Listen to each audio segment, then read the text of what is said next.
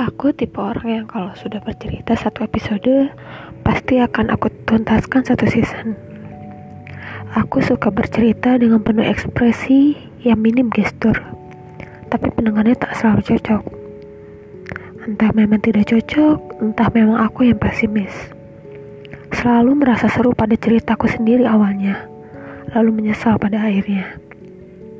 Sebenarnya, aku orang berterus terang, selalu ingin menjawab jika ditanya. Sebenarnya, mudah saja bagiku untuk curahkan semua. Tapi mereka mungkin takkan begitu terima. Aku merasa pikiranku selalu bekerja dengan cara yang bertolak belakang. Kadang aku percaya, kadang aku ragu, tapi dalam satu waktu yang sama. Bingung kan? Kalian pasti bingung. Puisi aku akhir-akhir ini pemilihan katanya jadi lebih rumit. Aku sendiri yang nilai. Dulu aku lebih jujur. Marah ya tinggal marah, sedih ya tinggal sedih, suka ya bilang suka, sayang ya tinggal sayang. Bahagia ya aku pasti bilang aku bahagia. Sekarang bukan tidak lebih jujur. Aku hanya lebih perasa Ketika kita mengekspresikan isi hati, lalu tidak ada yang peduli, bagaimana? Sakit bukan? Bukanlah, bukan sakit. Aku hanya malu. Aku selalu berpikir dunia berputar mengelilingiku. Aku takut kisah hidupku jadi tontonan.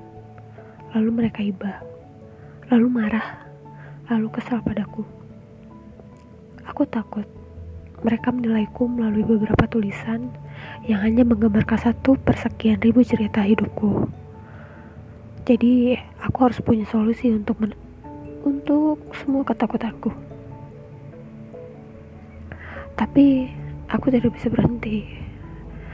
Tidak bisa berhenti berekspresi, tidak bisa berhenti bercerita atau menulis.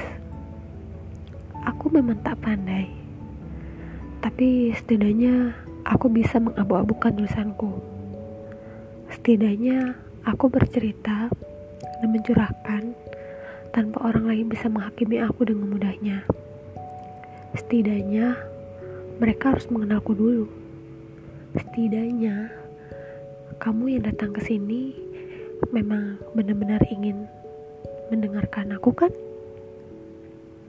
Ingin tahu aku tanpa gelar yang ada padaku, tanpa keistimewaan yang aku punya, tanpa apa pun yang membuatku menarik, karena ambil semua itu tidak ada. Kamu menemukan manusia tanpa apa-apa. Terima kasih sudah meluangkan waktu. Aku terharu bahkan saat ini belum selesai. Aku selalu ingin tahu siapa datang yang mendengarkan? Tapi aku pasti malu. Jadi biarkan saja seperti ini. Biarkan saja hanya kamu yang tahu. Biarkan saja semuanya saru.